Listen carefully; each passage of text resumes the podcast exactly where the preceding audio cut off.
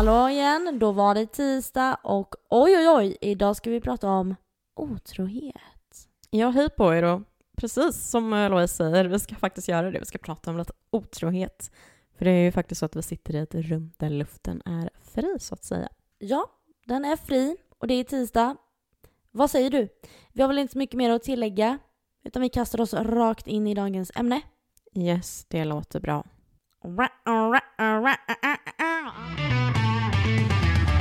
Det är ju så här att du har ju en tendens till att vilja skriva väldigt mycket olika listor, Louise, eller hur? Ja, jag har ju det. Och jag antar ju att eh, precis som vanligt så har du en idag också. Det har jag.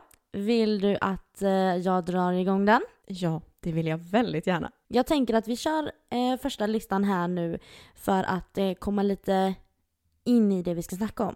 Nu kommer jag lista några olika typer av otrohet för att vi ska lättare komma in i ämnet. Är du med? Ja. Sexuell otrohet. Detta är den typ av otrohet där man gör något fysiskt med en annan person som man har kommit överens om att man bara gör med sin partner. Det kan vara allt från en enstaka kyss till en lång period av upprepande ligg. 2. Emotionell eller känslomässig otrohet. Det kan vara svårt för ens partner att uppfylla alla ens olika behov. Har man en väldigt upptagen partner eller en partner som har svårt att prata om eller kring känslor kan det vara svårt att få sina känslomässiga behov uppfyllda i relationen med sin partner. Om man under en period söker emotionellt stöd eller hellre pratar om känslomässiga saker hos någon annan som inte är ens partner kan detta utvecklas till en emotionell otrohet eller leda till situationer där en fysisk sexuell otrohet kan uppstå. 3. Otrohet på nätet. Otrohet på nätet kan vara att man skickar flörtiga meddelanden till någon som man aldrig har träffat, att man följer ett Onlyfans-konto av någon man känner eller att man skickar nakenbilder till andra än sin partner. 5. Övrig otrohet. Det finns andra beteenden som kan uppfattas som otrohet fast att det inte tydligt faller in i någon av de punkterna jag precis rabblade upp. Det kan exempelvis vara att sova i samma säng som någon av det kön man är attraherad av eller att man kollar på porr. Som vanligt måste jag ändå säga, det är en väldigt bra lista. Du, du har ju den här lilla, liksom, vad ska man säga, kiss, eh, chefs kiss när det kommer till listor. Thanks honey. Men nu vill jag höra din åsikt. Ja, men precis. Kan du yttra rubriken på första punkten? Sexuell otrohet. Ja, det är ju ganska uppenbart enligt mig det här då. Det är ju otrohet rakt av. Det finns liksom inte, menar alltså det finns ingen ursäkt på att nej, vadå, jag hade sex med någon och var inte otrogen när man har en partner. Alltså jo, snälla. Jag råkade stoppa in min tunga i en annan persons mun, sorry. Ja men exakt, för det är så här, givetvis en kyss kan hända utan att man själv har valt det, för det kan helt seriöst vara att det är någon annan som kysser en och man egentligen inte själv vill och liksom inte går med på det. Och det kan ju alltså hända då det är mycket, mycket enklare att det händer också. För att, ja, det är ju en ganska så snabb händelse så att säga. Om man nu då inte väljer att fortsätta kyssen, då är det ju ganska så Mm. Men sex däremot, don't get me started. För att alltså helt seriöst så tycker jag att de som säger åh, men det hände bara, det betydde inget. Alltså okej, okay, absolut. Det kanske inte betyder någonting för dig som gör det, men för personen som blir bedragen så betyder det sjukt mycket. Och det blir nästan som att, alltså den personen nu som är otrogen, det är nästan som att han liksom, han eller hon, eller hen, uh, liksom förminskar händelsen. Typ, ja men som du säger bara, ja men sex händer ju inte bara. Det gör det inte. Och det är ju du som person som har tagit valet att göra det och alltså man tar ju, om vi tänker så här, du liksom råkar ju inte bara ta av dig dina kläder. Alltså, det gör man inte. Det... Nej, det, är ju, det finns ju flera steg innan ett knull. Liksom det här kanske viben innan. Som du säger, man tar av sig kläderna. Man, tar, man går in i det rummet man har tänkt att man ska utföra sin otrohet i. Man kanske tar fram en kondom. Det är så många steg. Det är så många, eller det kan handla om, det handlar i alla fall om två minuter där du har betänketid. Om mm. inte mer liksom. Ja men exakt, för att det är så här, det, det faller. Alltså det är också, man tänker så här, absolut man kan vara full, men jag, jag har svårt att se att man inte att man inte är liksom medveten om vad man gör. Eller alltså, ja, jag vet inte. Men sen också så här, jag ska inte sticka under stolen. Det här är ju lite dubbelmoral om mig nu i och med vad jag berättade om för två, vad blir det, hur många avsnitt sen är det? Ja men i, i mitt hemliga avsnitt så att säga. Då liksom, då var ju jag den han var otrogen med och jag visste om det och alltså, men det är ju också så här, det är same situation men different story typ. Nej men alltså, så det är ju dubbelmoral såklart, men jag tycker det är oavsett otrohet rakt av. Fortsätt. 2. Emotionell och känslomässig otrohet. This is some dark shit. Det är otrohet oavsett. Men någonstans så tycker jag typ att det är lite, så här, det är lite mer rättfärdigat på något vis. För att, alltså, samtidigt så tänker jag ju också att det är så tydligt bevis på att du som gör det, alltså måste göra slut med din partner. För ni har förmodligen en extremt toxic relation om ni inte kan prata om känslor med varandra utan att det blir fel. För det är lite det jag tänker att man gör. För att det blir liksom som ett tecken på att du har börjat tappa dina känslor för din partner om du tänker på någon annan liksom. Men sen också, här, det är väl samtidigt ett behov som behöver uppfyllas och då är ju kommunikation A och O. Jo, men som du sa det här med att eh, man kommer undan lättare med en emotionell otrohet. Och det tror jag är för att den blir inte lika absolut. Den blir inte lika vass på samma sätt som att ja, men jag låg med den här tjejen igår kontra men gud varför har du skrivit på det här viset? Det går liksom att finta, det går att, alltså förstår du vad jag menar? Det Mm. går liksom på ett annat sätt att Mm, komma exakt. undan med. Ja, för att det blir ju lite så här också, och blir man kär i någon så blir det typ en annan grej för att då är det så här, då har du ju typ lite lämnat personen. Men sen så här, det är ju fortfarande också väldigt, väldigt viktigt för att märker man att det här händer, alltså är man den personen som gör en emotionell otrohet eller vad man ska säga, då behöver man ju prata med sin partner för att det är någonting som är fel och då, för att grejen är att en emotionell otrohet kommer med största sannolikhet gå över till en sexuell otrohet, tänker jag. Så att, ja, jag vet inte, jag, ja, that's my point of view. 3. Otrohet på nätet. Alltså förlåt, men eh, det här liksom som du nämner med Onlyfans-kontot. Alltså om du följer, eller alltså om din partner eller du själv följer ett konto, alltså som är en bekant eller en vän och faktiskt aktivt, för nu är det verkligen så här, nu understryker vi det, aktivt väljer att betala för att se den här personens innehåll. Alltså det är så jävla vidrigt. För att alltså indirekt så är det nästintill en sexuell otrohet utan ett typ av gensvar. Och typ så här också det här med flörtiga meddelanden är också fel av den anledningen att du uppenbarligen finner ett intresse i den här personen och vill göra något annat. Och liksom, annars hade du väl inte skrivit med den personen, tänker jag. Förstår du vad jag menar? Ja, absolut. Jag är absolut med på den. Sen som du sa då, det här med de här andra punkterna. Jag tänker vi kommer nog komma in lite på dem sen med övrig eh, otrohet. Om vi då ska börja prata om vad otrohet är för oss och hur vi ser själva på begreppet. Vad är då definitionen av otrohet för dig, Louise? Otrohet handlar om en enda sak i grunden och det är lojalitet. Det som händer när någon är otrogen är att man väljer att bryta löftet som man har med sin partner. Om att det bara är vi två som gör så här för vi har en kärleksrelation liksom. Om man gör någonting som bryter mot de reglerna som man har kommit överens om och satt upp för sin relation men då är det ju ett svek helt enkelt. Easy as that. Det är ett svek. Du bryter lojaliteten. Håller du med?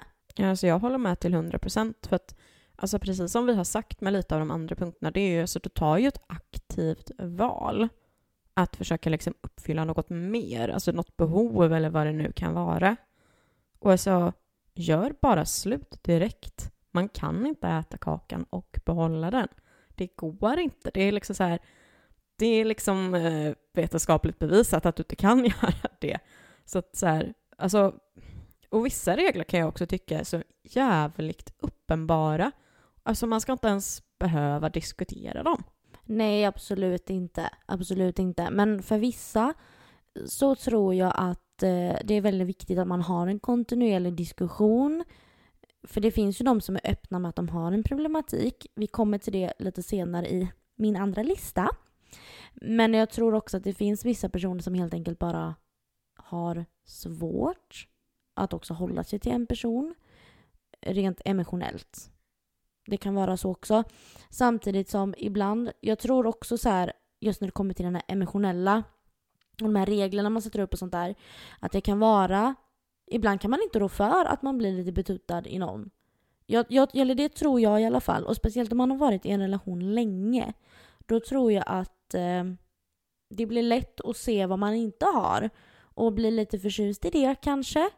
Även om man inte behöver spela på det. Du be jag menar, jag, vi vet ju båda två att klart att jag har världens finaste sambo, men jag har ju ögon att se med. Om jag ser en kille som är vrålsnygg på stan så kan jag ju tänka den tanken. Men jag behöver inte uttrycka det till min sambo. På samma sätt som om jag är med kompisar någonstans och träffar ja, men, vänner till dem som jag inte träffat innan eller stöter på nya bekantskaper så kan jag tycka att en person är jätteattraktiv rent eh, socialt eller intellektuellt. Eh, men det behöver ju inte betyda att man gör anspel på det. Nej, för det är det som är grejen. Man måste ju hitta vart är gränsen. För ja. att alltså, jag tänker typ så här, alltså bara för att man tycker att någon ser bra ut så betyder inte det att man ska göra någonting åt saken. Men för vissa är det ju så att eh, tittar du på den här personen, ah, nu, nu är du otrogen när du kollar på andra. Du får ja, inte titta på andra. Ja, men det finns ju sånt. Och där kommer du in på de här väldigt då toxic så. Men dessa regler kan ju också se olika ut för alla par och därför frågar jag dig då Linnea. Vad är otrohet för dig? Är det otrohet att eh, kolla på porr till exempel? Hur ser du på det? Alltså jag kan börja med att säga att eh, jag tycker nog faktiskt inte att det är otrohet att eh, kolla på porr, to be honest. Men eh, det är ju också ett ganska stort ämne i sig, så jag tycker nog att vi kan gå in på det i framtiden. Men eh, alltså otrohet för mig är ju nog faktiskt de punkterna vi tog upp. Alltså lite det här, alltså men emotionellt och fysiskt och alla de här bitarna. Det är klassiskt. Ja men de klassiska bitarna ja. Och typ så här, alltså sexuella handlingar anser jag ska inte hända överhuvudtaget. Och kommer det ens liksom på något sätt, ska man säga, alltså att det blir aktuellt för min partner, då hade jag ju önskat att den här personen pratade med mig, för då är det uppenbart att det är någonting som är en miss i kommunikationen, för det kan ju lika gärna vara så att personen inte får det den själv känner. Så jag tycker typ så här att i det här så kan jag väl känna att eh, enligt mina oskrivna regler så är det så här också kommunikation, kommunicera med varandra om de här bitarna. Liksom. Men jag tror någonstans att en känslomässig otrohet hade nog gjort ganska, eller jag personligen hade nog känt att det gör, on, alltså gör mer ont.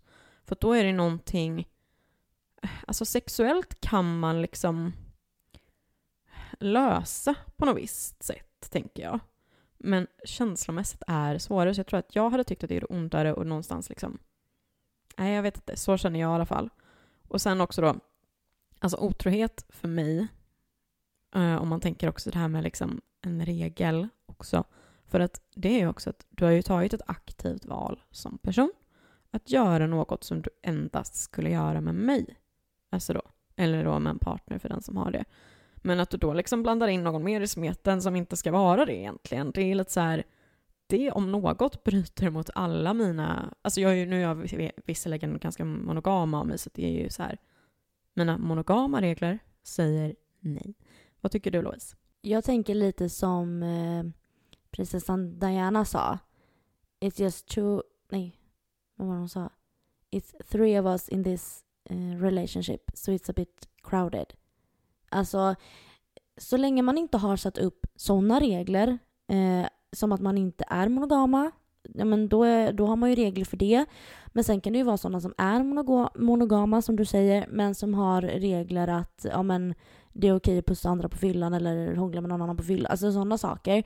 Men traditionellt monogamt vis då, så 100 procent. Alltså, har man regler då är de ju till för att följas obviously. Det är som lagar i förhållande kan man väl säga då. Ja. Um, sen tycker det här med att kolla på porr. Visst, vi får prata mer om det en annan gång. Men bara för att kasta ut frågan så nej, det är, inte, det är absolut inte otroligt att kolla på porr. Inte det minsta. Inte det minsta, tycker inte jag. Nej. Sen är det klart att eh, det finns olika, alltså har du en intention att åh gud jag vill ligga med någon annan för man är så sugen på någon annan och inte ligga med sin partner. Eh, för att då är det ju fel, men det är inte otrohet. Nej, alltså det är nog mer så här, alltså det, det finns ju en viss gräns kanske. Ja, ja, gud ja. Som det är liksom så här, men, men själva porren i sig är ju inte en otrohet. Men vad tycker du annars då gällande regler? Alltså så här, gör min kille något när jag inte är med, typ med kompisarna när han är på krogen, eller på sin telefon som jag inte kan se, men som han inte skulle klara av att berätta för mig om för att han innerst inne vet att det han gör är fel, eh, och som han skulle veta skulle såra mig, eller vad man ska säga, då är det otrohet. Mm. Det är en jävligt bra poäng. Jag kan inte säga annat än att jag håller med dig till 100%. Och då var det ju en lista till, om inte jag har missförstått mig helt. Så eh, ja, listan som handlar om orsaker till otrohet va? Det stämmer bra. Vi drar igång. 1. Dålig självkänsla. Personer som är mer osäkra i sig själva har ofta ett större bekräftelsebehov, vilket gör att man har lättare att söka det hos andra när man blivit trygg i sin egen relation, vilket leder till, till en större risk att vara otrogen. 2. Olycklig relation. Många håller i sin relation med sin partner trots att relationen inte är bra. Kärleken har tagit slut eller passionen är stendöd. I sådana här fall kan otrohet vara en väg ut ur relationen för personen som har tröttnat. 3. Vill inte vara monogam. Det finns personer som tenderar att vara otrogna och som gillar helt enkelt att ha flera partners och vill egentligen inte vara monogama i sina förhållanden. 4. Vill ha mer sex. Vissa som är otrogna säger att de har ett större behov av sex än vad han eller hon får i den nuvarande relationen. Detta leder till att personen ligger runt med andra för att få så mycket sex som han eller hon vill ha. 5. Spänningssökande. Det finns många som söker efter spänning oavsett om man har ett bra eller ett dåligt förhållande och då kan otrohet vara vad som uppfyller behovet av mer spänning. 6. För att känna sig åtråvärd. Det är helt normalt att vilja känna sig snygg, sexig och åtråvärd. Om man inte upplever att ens partner ser en på det sättet kan det leda till att man söker sig någon annanstans för att känna det från någon annan. Det kan vara så att man har en väldigt uppskattande partner som på många sätt visar att han eller hon finner en attraktiv medan man själv inte längre bryr sig eller räknar med sin partners åsikt. Till exempel på samma sätt som man får komplimanger från ens mamma eller sin bästa vän. Det räknas inte då det måste tycka om en typ och så kan också ens partners komplimanger tappa i värde. Längtan att känna sig åtråvärd kan därför uppstå och leda till otrohet. 7. Trauman. Det kan finnas djupare orsaker till otrohet. Till exempel en traumatisk uppväxt och bristande anknytning som kan leda till känslomässiga problem som visar sig i nära relationer och intimitet med andra. Jag tycker typ att många av de här punkterna bara skriker kommunicera med din partner. Hur svårt ska det vara? Jag fattar inte. Alltså, ja, nu tänker ju då säkert någon där ute, du kommer förstå när du är i ett förhållande. Och Linnea kräks i sin mun. ja, men alltså allvarligt talat. 1. Dålig självkänsla. Har du så jävla dålig självkänsla att du söker bekräftelse hos andra än din partner så måste du prata med din partner. Förklara situationen och att du behöver lite mer bekräftelse för att må bättre. Och sök inte det då hos någon annan istället. Och liksom, alltså kan inte partner då ge det till dig, men ge, gör slut då. Och jag tycker då även att det är liksom, det är ju samma då med åtråvärd liksom, det kommer ju in i det också. 2. Olycklig relation. Alltså den här är ju lite, en olycklig relation är lite svårare kan jag ju nog ändå tycka. För att alltså, det är verkligen rimligt, för det kan bli svårt att lämna någon du älskar. Alltså det, det kan jag faktiskt förstå. Även om man då kanske liksom inte är kär längre, för att det handlar om att man har varit tillsammans så himla länge typ och så älskar man personer men man är inte kär, för det är en ganska stor skillnad. Eh, men samtidigt så rättfärdigar ju inte det att vara otrogen. Nej, och sen finns det andra saker där också som gör att om man har barn eller man, eh, alltså ekonomi och allt det där som gör att man ändå vill hålla ihop fast man är olycklig. Eh, den, är, den är svårare, absolut. Olyckliga relationen, den är svårare. Ja, för jag kan nästan känna någonstans att även ifall det liksom som sagt inte är rättfärdigat och otrogen så är det precis som att den, den är lite, lite kursiv så att säga. Den är inte... Nej, det finns undantag där faktiskt. Det gör det. Tre, Vill inte vara monogam. Ja, alltså vill man inte vara monogam kanske man inte ska gå in i ett monogamt förhållande. Tänk på det eller?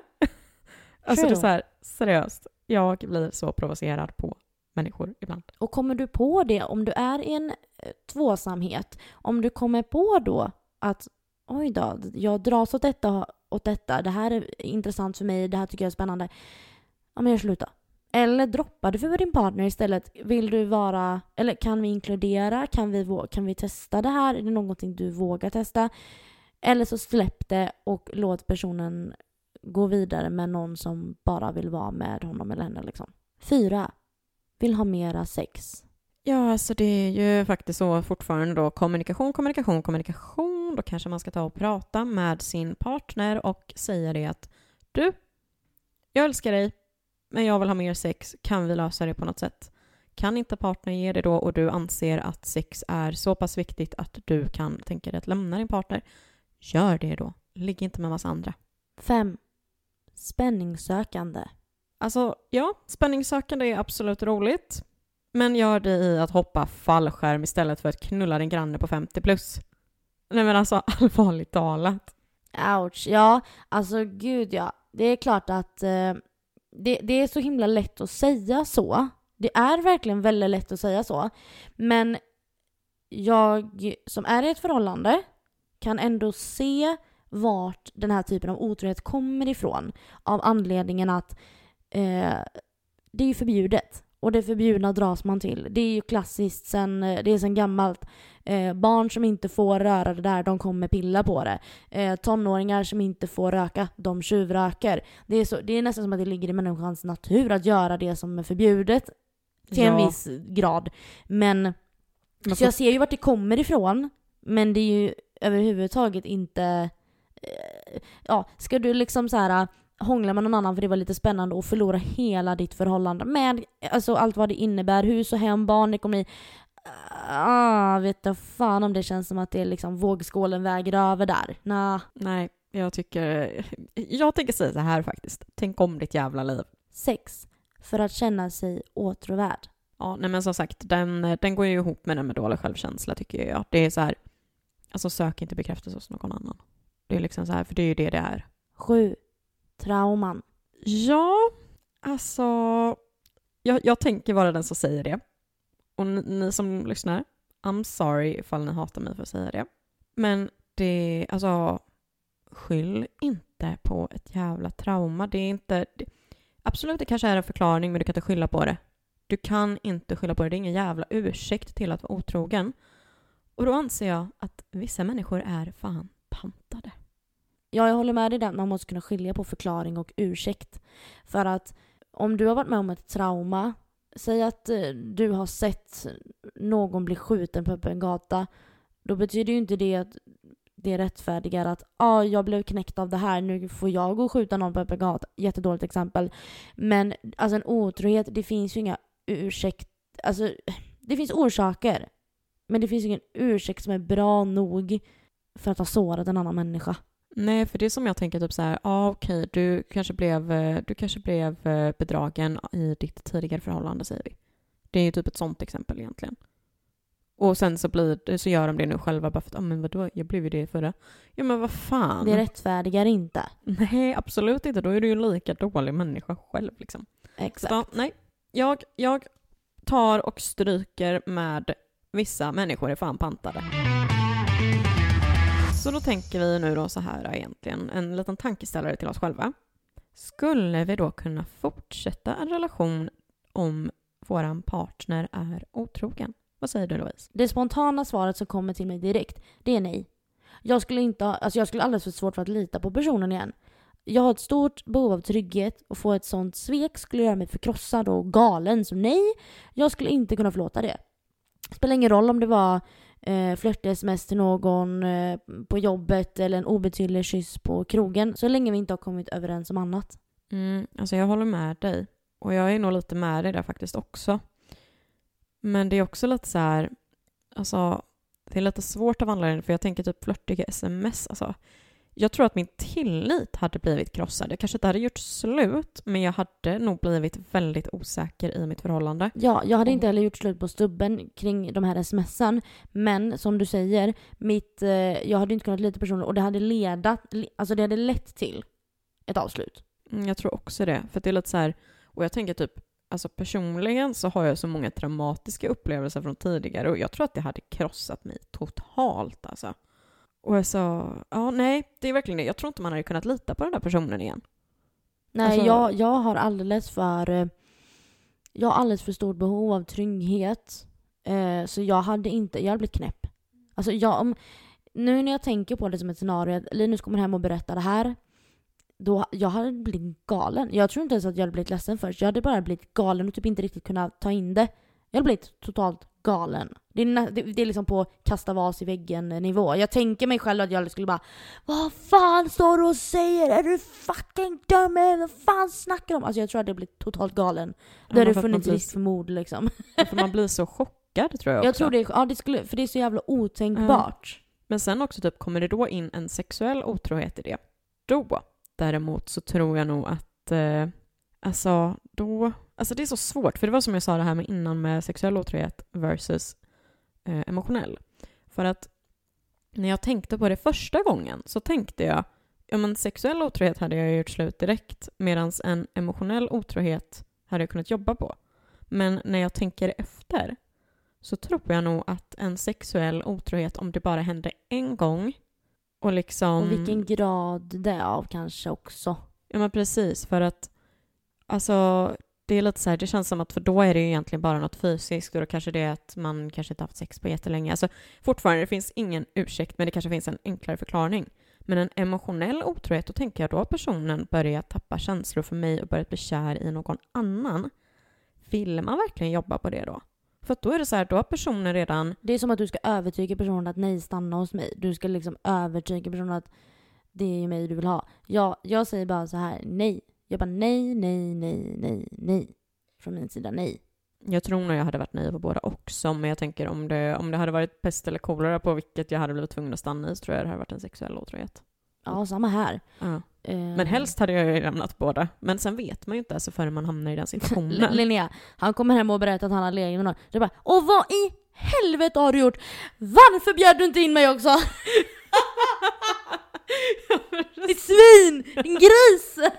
ah, gud, vet precis. Nej men Nej alltså, usch, vi ska inte skämta om det så. Ja, jo det är lite roligt. Ja, men ja, herregud. För man fan. måste göra det ibland grej, också. alltså. Det finns för mycket att gråta över i världen, så ibland får man ta sig ett litet skratt. Okej, men så här då. Säg att du dejtar en kille som är 10 over 10. Du skulle vilja inleda ett förhållande med honom om allt eh, känns skitbra. Men du får höra av säkra källor att han eh, varit otrogen i ett tidigare förhållande. Hade du valt att gå vidare och fortsätta träffa den här killen trots det du har hört från de här säkra källorna? Eller hade du liksom backat och bara nej, ta avstånd? Vad hade du gjort, gumman? Alltså jag tycker det här är skitsvårt av lite olika anledningar. Vi kan säga så här, du har dina anledningar. ja men grejen är liksom lite så här att för att å ena sidan så tänker jag ju liksom lite det här att en gång otrogen, alltid otrogen. Även om kanske personen inte kommer vara det igen. Men den var ju fortfarande kapabel till det en gång. Och det är liksom så här. Det är ju jättesvårt för att grejen är ju den att det kan ju lika gärna vara att du är personen personen är otrogen med. Alltså att det blir en sån sak också. Och typ så här, alltså jag ska inte ljuga. Hamnar jag i en situation som är som du säger så kan det helt klart liksom bli att jag typ, ja ja skitsamma, jag går med på det ändå. För att jag tänker nog så här att skulle jag inleda någonting med en kille som, eh, som har varit otrogen, då hade jag nog bara velat liksom ha, om man vet en förklaring till varför det blev som det blev, så att jag liksom på något sätt kan lita på honom. För att är det typ att han bara har varit otrogen bara för att, alltså allting i förhållandet var skitbra men han var otrogen ändå, och liksom inte visar någon typ av ånger, då blir man lite så ja, ah, mm, that is kind of a big red flag. Men alltså däremot så tänker jag typ att alltså är det det att personen, kanske som vi då pratade om innan, det här med olyckligt förhållande, då tänker jag ändå så här att då kanske det finns anledningar att det var ett väldigt toxic förhållande, det är svårt att göra slut, alltså man vet Exakt inte. det tänker jag också. Om jag skulle möta en kille och han sa det här till mig och jag var upp över ören, liksom intresserad och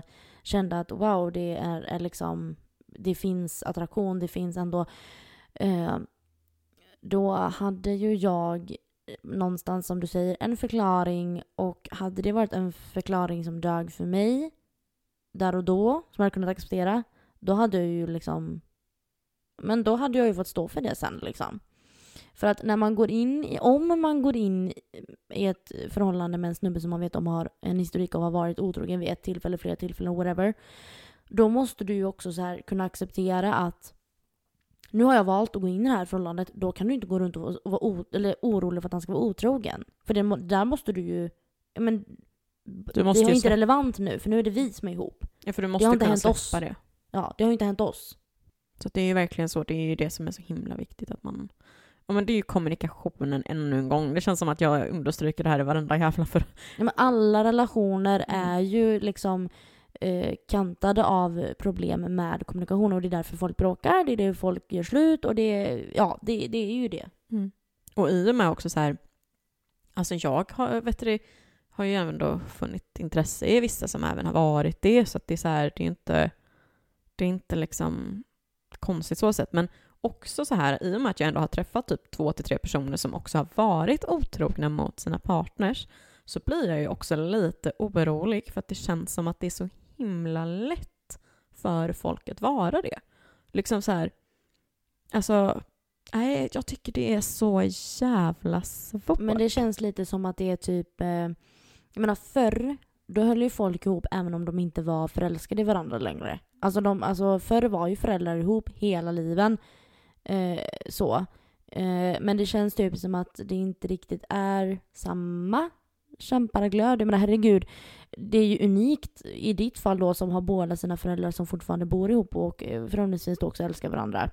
Ja, de säger ju ändå typ alltså själva att, ja, ja, det jag menar, ska vi liksom ut och dejta igen nu när vi är så här gamla? Det låter bättre att liksom leva ihop med någon man, även om man kanske inte är kär, men att man fortfarande älskar varandra. Men det är ju också en annan femma, nu kommer vi ju in helt Ja, gud ja, absolut. Men jag menar det här att det känns inte som att folk kämpar riktigt på samma sätt. Eller man kämpar kanske inte för rätt sak. Man kämpar för barnen, man kämpar för annat. Jag vet inte. Eh, det De känns lite som att det... De kämpar inte för varandra. Nej, kanske inte. Fokuset har skiftat. Men sen ska jag väl ändå säga så här att Eh, för min del, och det beror lite på, alltså det gör verkligen det. Alltså jag skulle lätt frågat honom om, eh, om den här otroheten då som han har begått. Men mina varningsklockor är väldigt känslolösa. Så jag hade typ, helt ärligt tror jag att jag hade fått mindre intresse av en sån kille. Alltså skulle han droppa den, alltid avsnitt och sen droppar han den. Eller, eh, ja, nej. Jag tror att mitt intresse hade droppat alltså.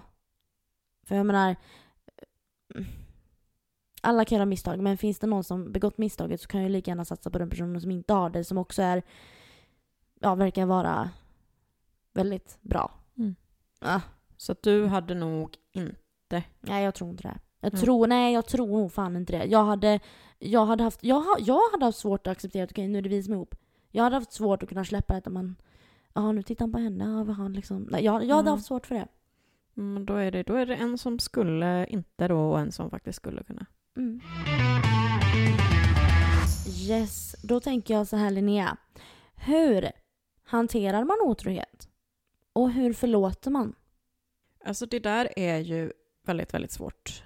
Alltså delvis också så här, för jag måste ju ändå säga det, jag menar jag själv har ju inte varit med om att liksom någon skulle ha varit otrogen mot mig eller att jag har varit otrogen mot någon annan.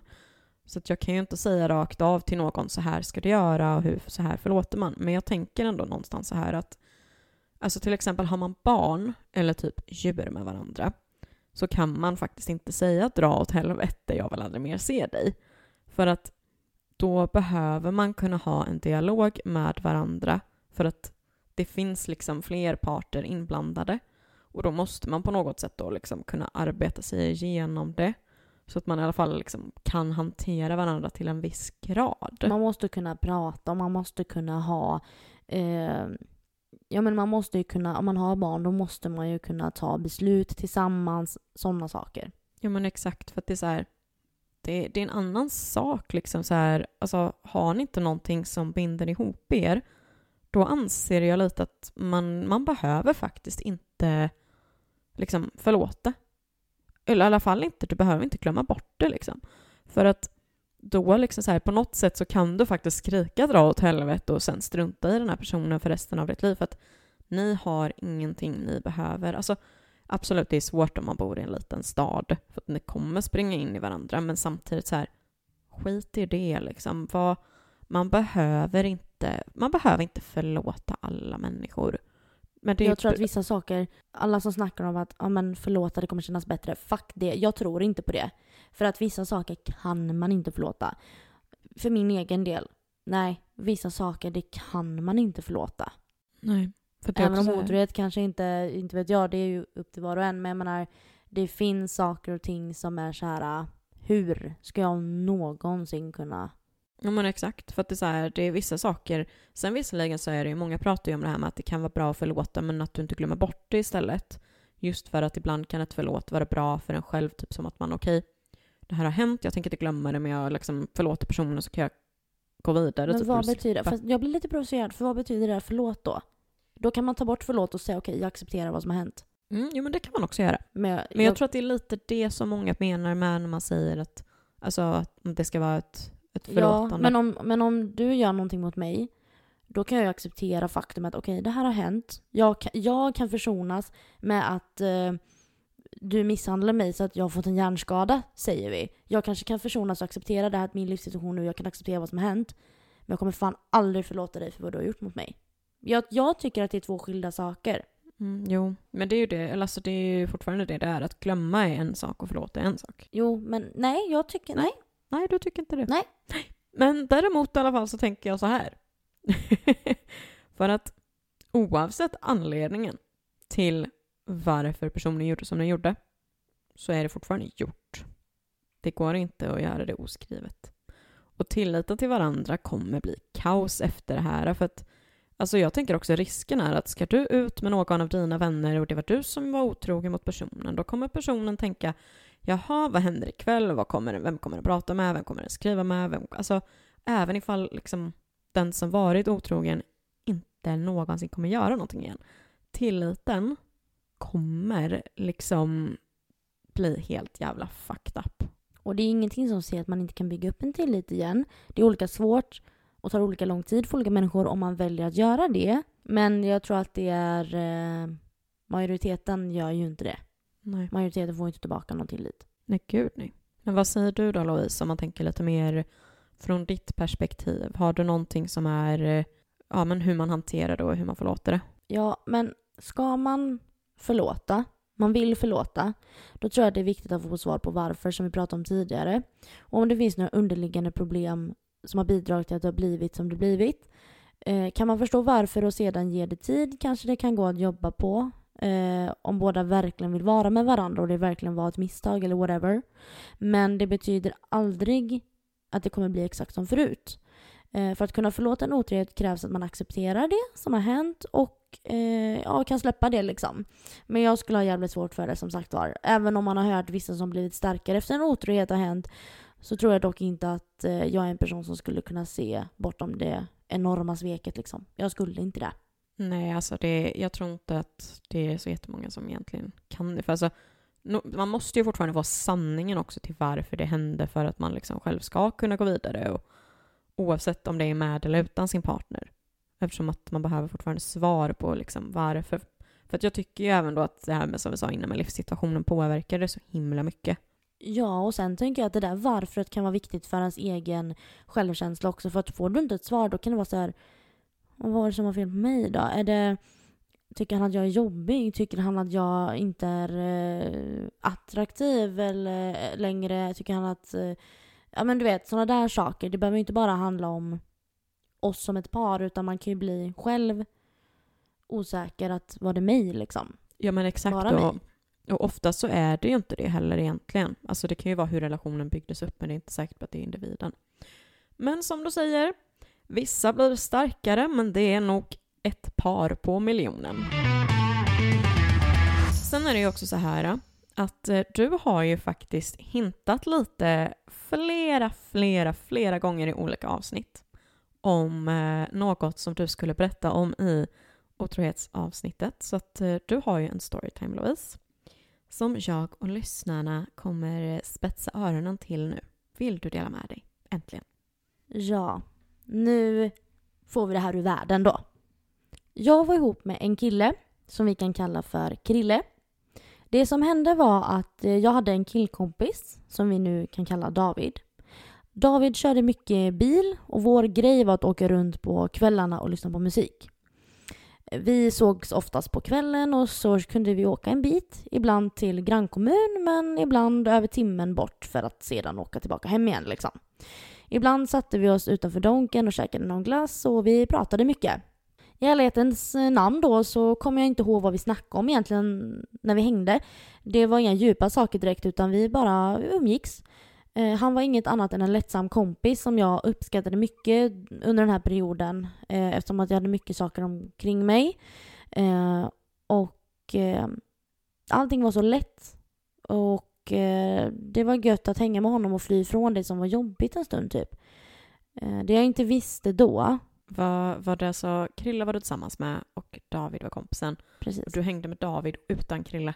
Ja, de kände ju inte varandra. Det här var ju min kompis. Jaha, liksom. jag uppfattade det som att de var kompisar. Okej, Nej. men då är jag med. Nej, precis. Utan eh, de visste inte, eller min kille visste ju om eh, David, men de var inte vänner och kände inte till varandra mer än till namnet liksom. Okej, men då är jag med. Men som sagt var, det jag inte visste då var att eh, David, måste jag kolla på namnen här, David hade eh, lite känslor för mig. Men eh, det kom fram senare och det var ingenting som jag överhuvudtaget kände någon vibe av. Det var ingenting som jag överhuvudtaget eh, trodde under den här tiden som vi umgicks då. Hur som helst. Vi hängde en del som sagt och sakta men säkert så märkte jag att jag fick en annan typ av uppmärksamhet av honom än vad jag fick av min kille. Inte på något så här kärleksmässigt plan egentligen först utan med att han tittade på mig på ett annat sätt och bara en sån sak att han kom ihåg vad vi hade pratat om när vi umgåtts. Jag kände att han var uppmärksam på ett annat sätt. Och det behöver inte betyda, där har vi det här med lite emotionellt att oj, han ser mig. Även om det inte är på ett sexuellt sätt eller något utan bara han, wow, han kom ihåg vad jag sa. Åh, vad roligt att få den uppmärksamheten eller, eller man känner sig sedd liksom vi blev tajtare typ och jag tror att eh, jag föll lite under det här nummer sju då eh, i listan som jag drog förut att känna sig återvärd och i kombination med nummer ett eh, i första listan där, det vill säga en dålig självkänsla typ. Sen så var det så här att David skulle på bröllop. Han ringde till mig för att eh, prata med mig strax innan vigseln och ja, han berättade väl lite hur det var typ. Jag kommer ihåg hur otroligt generad och typ lite förförd, helt ärligt, eh, jag blev när vi skulle säga hej då för det samtalet. Och så avslutar han med Louise, jag lovar att älska dig i nöd och lust och tills döden skiljer oss åt. På skoj. Han garvar. Det var lite kul liksom i och med att han var på bröllopet. Men i ärlighetens namn så blev jag charmad as fuck. Men från min sida så fanns inte någon kärlekskänsla. Men jag blev charmad. Men jag var inte intresserad av honom. Någon dag efter bröllopet så sågs vi på kvällen i en park. Det var jättevarmt och det var mitt i sommaren. Och eh, just där den kvällen så var det inga folk. Jag tror att det var ganska sent. Eh, och vi satt där, det var en sån här parkbänk du vet som är sittdel, bord, sittdel som sitter ihop om du fattar vad jag menar. En klassisk liksom, parkbänk. Och vi, jag satte mig uppe på bordet med liksom, och han satt nere på själva soffdelen eller vad man ska säga då. Och så satt vi mitt emot varandra och pratade om bröllopet och ja, annan shit liksom. Men eh, ja, tiden går och eh, jag ska gå hem. Så jag lutar mig fram för att ge honom en kram. Varpå vi kramas. Men när vi släpper kramen så går han in för en kyss väldigt hastigt. Eh, jag där och då var nog inte riktigt beredd på det så jag var inte riktigt med på galoppen. Och rätt som det var så bara var han uppe i ansiktet på mig och kysste mig. Jag blev chockad och sådär men jag slog ändå inte ifrån direkt och jag tror det var för att jag blev så tagen på konfekten om du förstår vad jag menar. Jag fick dock direkt skuldkänslor. Det vred sig i magen på mig och det var ju ändå en kyss liksom. Och i samma stund som vi liksom, ja, lutar oss tillbaka från kyssen, eller om man ska säga, så ringer min mobil. Och det ringer, och det ringer, och det fucking ringer. Det slutar inte att ringa. Det var som om Gud eller någon jävla fågel fort som fan hade skvallrat för min kille om vad som hade hänt. Eller typ att han hade stått en bit bort och sett vad som hände. Och vi skildes åt där då. Och när jag kom hem så hade jag så ont i magen. Jag har ju berättat om min stressmage. Jag gick och bajsade. Alltså, my god. Och jag hade sån ångest över hela situationen. Till slut så smsade jag ja, Krille, min kille, och skrev att jag hade en sak att berätta. Att något hade hänt som han behövde veta om. Jag minns att klockan var typ ja, men halv tolv, tolv på kvällen eller någonting. Så jag tog på mig skorna och gick ut och ringde till Krille. Han var jätteledsen, alltså han var ju jätteledsen såklart. Och under det här samtalet så han trodde inte på mig då. Jag uppfattade det som att han, han fick ju också en liksom, han blev ju ställd också. Här kommer jag och berätta det här liksom. Han, eh, han trodde inte på fem öre på mig att det här var liksom inte på mitt initiativ eller att eh, det var så det gick till. Utan han bara okej okay, du har kysst en annan kille. Och jag bara mm, fast jag har inte aktivt egentligen kysst en annan kille men det som hade hänt hade ju ändå hänt. Någon dag senare skrev jag med David och berättade läget för honom. Han frågade då om vi skulle ta en biltur för att komma på andra tankar en stund. Jag sa ja och så plockade han upp mig. Vi åkte bil hela natten. Vi hade aldrig åkt så länge förut. Vi åkte till solen gick upp och jag vet inte i vilka städer vi hade åkt liksom igenom eller eh, ja, jag har ingen aning hur långt vi hade åkt, men det var länge. Så när solen började gå upp så stannade vi i bilen och kollade på soluppgången då. Och jag minns att han köpte frukost till mig och vi satt och pratade. Det var absolut ingenting konstigt. Det var som vilken kväll som helst, bara att det var lite längre då. Och runt denna tiden hade jag persat min tunga. Och David frågade mig när vi satt där i bilen om varför jag hade gjort det. Jag sa till honom då att det var snyggt och att eh, ja, men, det kändes som att det skulle vara lite hetare när man skulle hångla med killar typ. Han frågade om jag hade strulat med någon som har tungpiercing innan, vilket jag inte hade då. Så han sa, den dagen du blir singel, då lovar jag att jag också ska pierca tungan så vi kan testa dem på varandra. Hahaha. Sådär. Jag garvade bara, men sure liksom. Eh, jag tog ju allting som skämt hela tiden för att han var en väldigt skämt, skämtsam person. Sen körde han hem mig och jag sov långt in på dagen. Säkert till alltså två, tre. Och då hade jag fått ett sms när jag vaknade av min kille som frågade om han kunde komma förbi en sväng så vi kunde prata igenom allting och prata ut.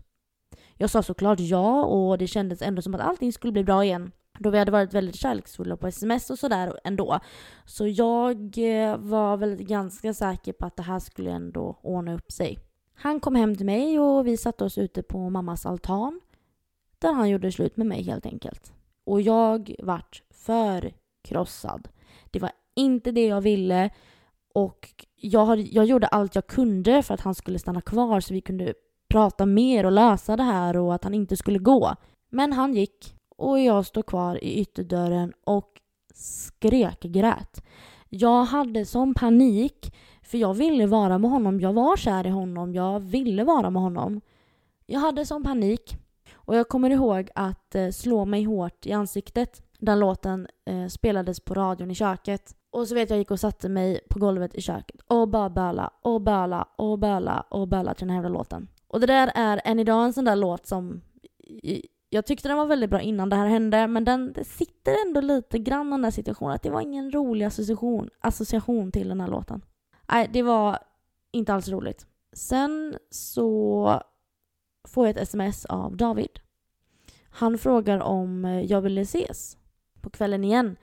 Så jag berättade helt enkelt vad som hade hänt och att jag eh, nog behövde vara själv.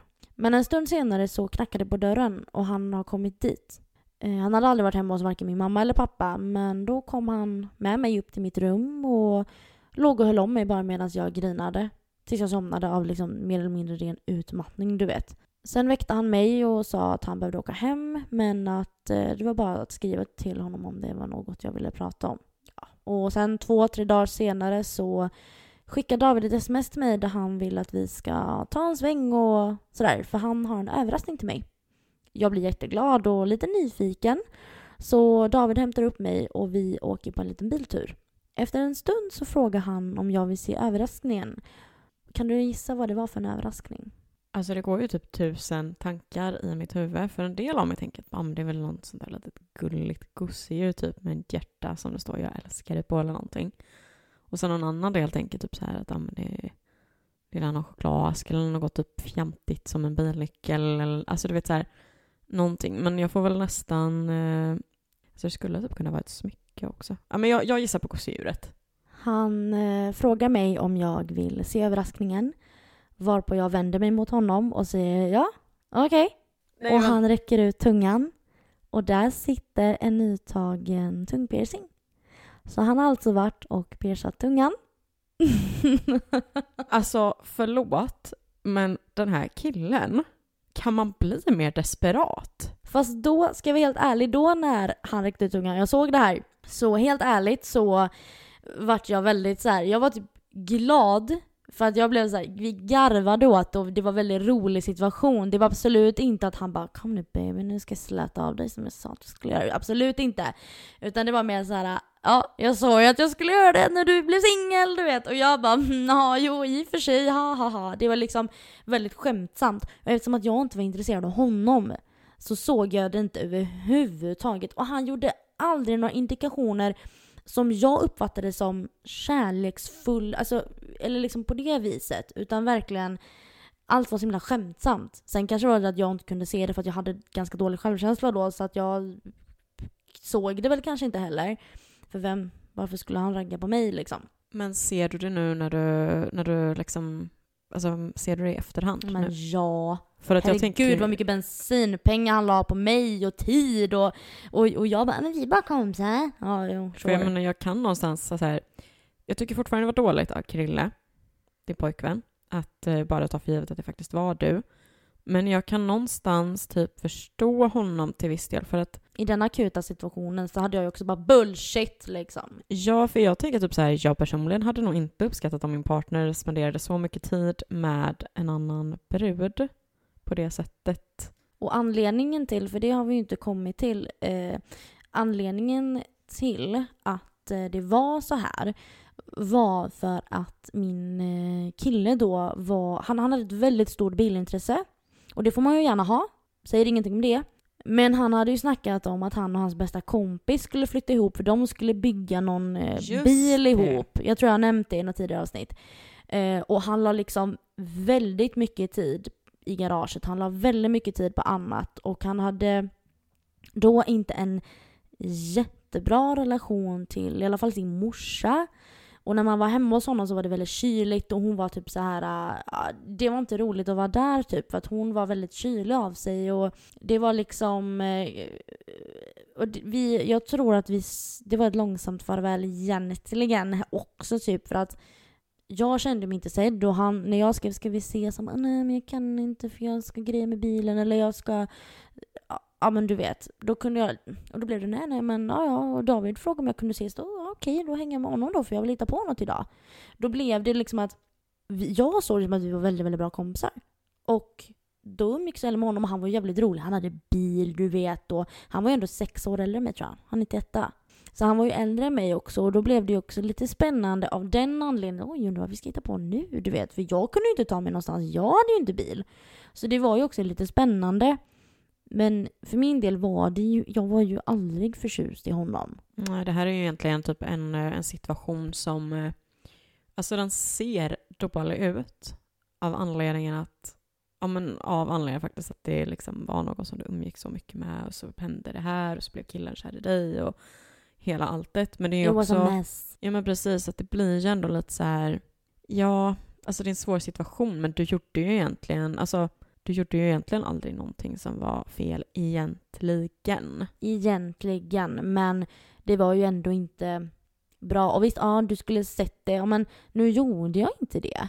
Ja, och jag tänker, det enda som i så fall kanske som skulle varit en bra grej är väl om du kanske hade, efter den kyssen som David gav dig, du kanske inte skulle umgåtts mer med honom då för att liksom ändå understryka att ingenting, alltså i alla fall tagit avstånd ett tag. Ja, Men det är, absolut. också, det är ju väldigt lätt att vara efterklok. Alltså vad Ja, var du, typ 16 Och i och med 17 att jag var så, jag var nog ganska blind då, för jag trodde, jag tror till och med där och då att jag såg det lite som ett skämt, att han bara Mwah! och så liksom bara vad fan gör du liksom? Äh, Att jag, jag, alltså, jag tror, nej, jag, jag vet inte men... eh, Eller så skyller jag bara på det nu. Jag vet inte. Ja, precis. Ja, ja. Nog om det. Nu har vi det ur världen. Vad gött. Har du någonting som du vill ha ur världen, Linnea? Ja, jag har ju faktiskt också en storytime att dela med mig av kring det här med otrohet. Bara det att eh, jag var the other girl, så att säga. Så eh, en torsdagskväll i augusti 2022 så jobbar jag. Och det här är ju då alltså veckan innan eh, jag börjar skolan igen. Så att eh, ja, jag jobbade kväll den här veckan i alla fall och var ledig fredag, lördag, söndag. Så att just då den här helgen så hålls det ju då en, en årlig cykeltävling för kvinnor i, eh, ja, men, i Alingsås och Vårgårda.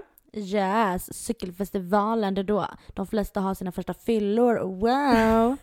Så att det är ju i alla fall så att det är ett flertal olika länder som är med och deltar i den här uh, touren. Och oftast så brukar ju då dessutom många av de här lagen bo där jag jobbar. Och lagen kommer ju då med, förutom då kvinnorna som cyklar, mängder med tränare, funktionärer och så vidare, vad det nu kan vara. Alltså då även män. Män, underbara män. Kan jag få berätta nu? Okej, förlåt, jag ska luta mig tillbaka. Sorry! Jag hälsar ju då på ganska många den här kvällen när de då ja, men checkar in och det är ju inget konstigt alls egentligen. Det är en vanlig, eh, ja, men en vanlig arbetskväll liksom. Och det är mycket engelska som snackas och det är många stiliga karar som kommer och går för att hämta ut nycklar och sådär. Och så var det inget mer med det den dagen. Sen går det två dygn. Jag har varit på spa med Julia och Signe på fredagen till lördagen och på lördagskvällen ska vi då gå ut ett stort tjejgäng till eh, Two Lads för en spelning då som eh, eh, ja, men ett lokalt band, Schoolyard Bugge, har. Så att mycket alkohol är eh, inblandat och alltså jävlar den kvällen var roligt vi hade. Alltså det var sånt jävla ös. Och det var liksom, ja men, nej det var skitroligt. Så att vi bestämmer oss då i alla fall sen då att eh, efter varit på Two Lads att vi går vidare till eh, Ohana då. Eh, och då festar vi vidare där. Jag är i alla fall då i mitt esse på dansgolvet och har så jävla roligt. Och i det här nu då så, eh, min granne Rebecka har ju jag nämnt eh, någon gång tidigare. Och hon har ju då nyligen blivit singel. Så att eh, i allt det här så då försöker ju vi få henne liksom så här att, ja men vad fan, ragga på lite killar. Och det fanns lite olika män och killar där inne som var lite så här, ja men snygga och stiliga och liksom, ja men välklädda, inte några patrask liksom. Eh, så att vi försöker ju liksom få henne till att, du vet, säga, ja men kom igen, kyss någon då, dansa med någon och, och, och liksom sådär. Och hon börjar ju typ göra det med en person. Men liksom, ja men han pratar ju engelska den här killen då och hon blir lite nervös. Så att jag tänker då, ja men vad fan, jag hjälper till. Så att jag hjälper ju till där med översättningen och du vet alla de här bitarna. Men det händer ju liksom ingenting mellan dem. Så att jag tar ju då kontakt med hans kompis istället som han är där med. För då tänker jag att men då kanske jag och han kan liksom pusha dem till att göra någonting. Och nu vill jag ju bara understryka, jag pushar ju inte nu då för att hon inte, alltså, det är inte det att hon inte vill. Vi förstår. Du, hon behövde hjälp på traven. Du wingade. Ja, men jag försökte winga i alla fall. Men jag wingar ju istället mig själv kan man ju säga då, för att givetvis blir det ju jag som får till det istället. Så att vi står ju där då på dansgolvet och pratar högt över musiken på engelska och dansar mot varandra och någon kyss eller två kommer in i bilden och jag har ju ett svagt minne av att det hände någonting mer där på dansgolvet men jag kommer inte riktigt ihåg. I alla fall då, eh, så under då det här pratandet så kommer vi ju fram till att han bor på hotellet där jag jobbar och att han är där för cykeltävlingen. Gud vad bra, tänker jag då. Ehm, så att eh, grejen är ju också den att man ska ju inte hålla på med gäster där man, ja, det är ju inte riktigt professionellt kanske, om man säger det så. Uh, och det är ju så jävla roligt då, för att han, han tänker ju liksom så här på, när han får reda på att jag jobbar, han bara men vi kan ju, vi kan ju gå till hotellrummet där jag bor. Och man bara, är du dum i huvudet? Den som jobbar där vet ju vem jag är när jag kommer på natten. I alla fall då, efter lite mer som händer där inne så går vi hem till mig eh, och pratar då om en massa olika saker. Och han är ju då från eh, Nederländerna. Han har varit professionell cyklist och varit med i landslaget innan han då gick över till tränare. Han är tio år äldre än mig, alltså född 1985. Lång som fan och jättetrevlig. Sen då, hemma hos mig så har vi uppenbarligen sex. Och nu kommer en liten, eh, en liten eh, fun fact till dig Louise. Enligt en studie, för att jag har ju hört det här innan, något liknande, men jag tänkte jag måste fan, jag måste fan dubbelkolla här nu så att jag kommer med real facts. Enligt en studie så ligger Nederländerna på plats åtta i världen över största kukstorlek vid erektion. Jag trodde du skulle säga över statistik för otrogna män. Nej men det var kukstorleken, ja ja. Ja ja. Ja den är ju, det, var det, det var baseballträ? Falukorv? Inte baseballträ, men, eh, men det var, det var, ja, för jag kan ändå faktiskt bekräfta att, eh, att det stämmer. Men skitsamma, det var bara en liten side-note som jag tycker är lite kul. Fakta är alltid roligt. I alla fall, eh, han är också en av dem som jag kan bekräfta på att äldre män är inte alltid bättre, dock. Men i alla fall så pratar vi i alla fall då lite efter ligget och hur det är för honom att resa runt så mycket och, och så frågade jag typ om han saknar hem, något sånt och lite sådär, men ingenting tydde på att han skulle vara upptagen om man säger det så. Eh, sen då, någon dag senare, så kommer jag ju på, ja men vad fan, han är ju typ kändis. Han var ju ändå liksom superlätt att googla upp så att säga. För jag ville ju också visa liksom, de kompisarna som inte var med, för de var ju nyfikna på vem han var. Så jag får ju då upp hans Instagram, som för övrigt är verifierad. Så man bara, jaha, vad är det här för människa? Men då är han då alltså gift.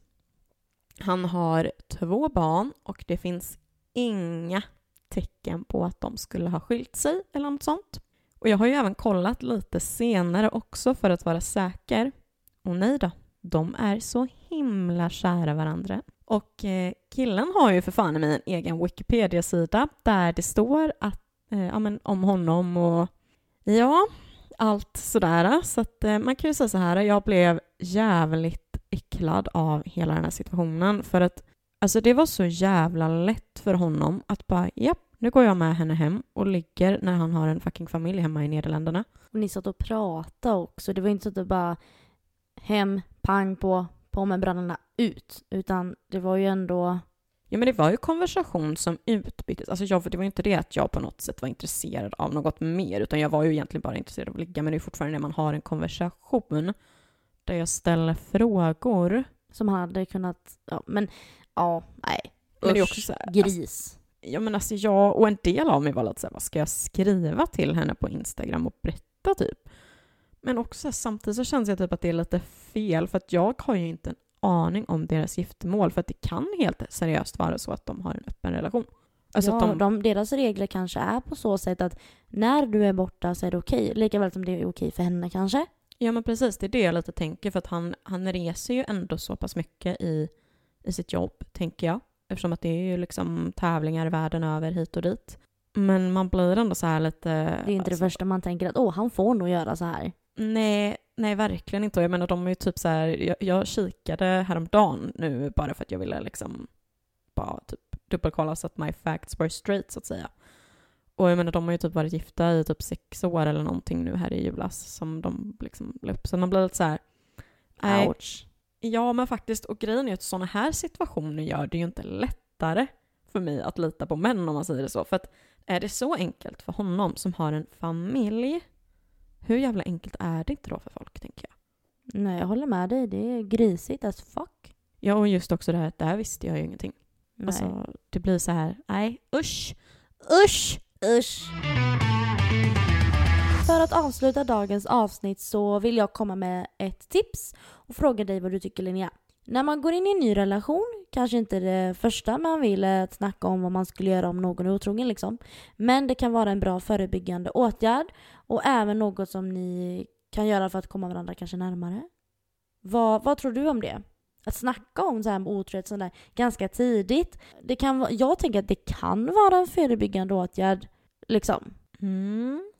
Alltså, ja. Både ja och nej. Kanske inte för tidigt i alla fall. Um, alltså det... Gud vad Men svårt. när man sitter på en middag och så kommer man in på saker och ting att så här, ja men du, hur, hur skulle du reagera om du fick reda på att jag hade varit otrogen? Hur skulle jag reagera? Skulle du, alltså då får man ju också liksom snika in lite hur liberal är personen? Nej men jag hade kunnat förlåta. Är det ett tecken på att eh, da da da da da da? Alltså, förstår jag tänker? Ja, men jag tänker nog kanske inte ute på en middag då, utan kanske hemma i soffan liksom. En, ja eh, ja en men du förstår, typ. under en middag hemma eller whatever liksom. Ja, jo, men det kanske är bra.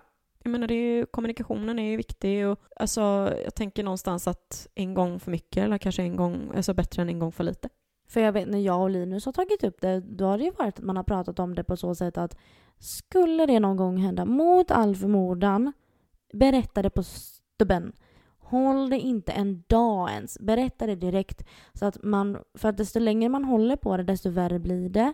Man känner sig längre för bakom ljuset. Sådana här saker. Jag tror att det kan vara en bra sak att prata om. Och nu menar jag inte att man ska prata om det när det varit ihop i två veckor. Men i alla fall tre månader Jo, men ja, absolut. could be a good thing liksom. Jo, för alltså vissa personer vill ju till exempel inte veta några detaljer om vad som har hänt. Medan andra anser att detaljerna kring vad som skett avgör om du ska förlåta eller inte. Vad tänker du om det? För att eh, jag själv skulle vara alldeles för nyfiken i brist på bättre ord för att inte vilja ha några detaljer om vad som hänt. Jag skulle inte kunna släppa det om jag inte fick veta hela sanningen om du förstår vad jag menar. För om man har frågetecken då kommer man ju gå och grubbla på dem. Då är det bättre att man bara får veta allt. Ja, alltså jag hade nog uppskattat om jag fick detaljerna berättade för mig, men på ett visst sätt. För att jag hade nog inte velat veta om själva sexet. För att Nej. Alltså det är ju lite så här, that's too much. Men alltså mer detaljer som menar då på liksom, sas det några saker? Alltså myste de och höll om varandra och typ så här, sånt som jag kan uppfatta mer intimt. För att det är en sak om det liksom är, personen går hem, dit, pumpar på, går därifrån. Men ligger de kvar och liksom småpratar och myser, då är det så här, det vill jag veta för att det Men jag vill ändå veta, vad var det som slog dig i tanken när du såg henne på skogen? Vad fick dig att gå fram? Eller vad fick dig att inte prata undan henne när hon uppenbart visade att hon, vad hon ville? Da, da, da, da, da. Alltså du vet, du ser ju, jag hade ju varit galen alltså. Nej, inte galen. Jo, du väntar Väntar du bara säger jag, det var inte så jag menar nu men aj, aj, aj alltså. Aj, aj, aj. Stackars den snubben som någon gång skulle vara otrogen mot mig. Uh, Mm, då vet du Linus, håll dig undan andra brudar. passa dig för helvete. Men i alla fall så var ju nu då detta avsnittet slut. Men glöm inte att följa oss på Instagram, luften är fri podcast och skriv jättegärna till oss vad ni tyckte om avsnittet. Vi har ju haft några nu som har börjat eh, göra det och vi uppskattar det så enormt mycket för att det är Ja, men alltså det gör ju så att vi vet vad vi gör bra och om det är någonting vi behöver göra bättre och massa sånt där. Och när vi får tips på ämnen, det har vi också fått och det uppskattar vi också till tusen. Så jag har lite grann jag behöver göra lite research i. Jättekul verkligen, så roligt. Eh, hur som helst, missa inte att trycka på fem stjärnor på Spotify och så hörs vi nästa vecka.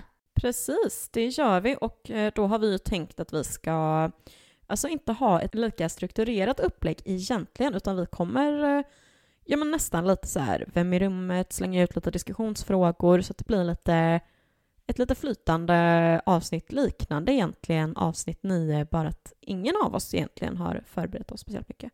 Vi ska leka lite i nästa avsnitt. Det blir lite lekar typ. Precis, så att nu där i det avsnittet har ni en väldigt stor chans till att kunna döma skiten ur oss. Ja, gud ja. Aj, aj, aj. Nej, men så att eh, jag eh, säger tack till dig Louise och tack till våra fantastiska lyssnare för dagens avsnitt. Jag säger detsamma. Hej då! Hej då!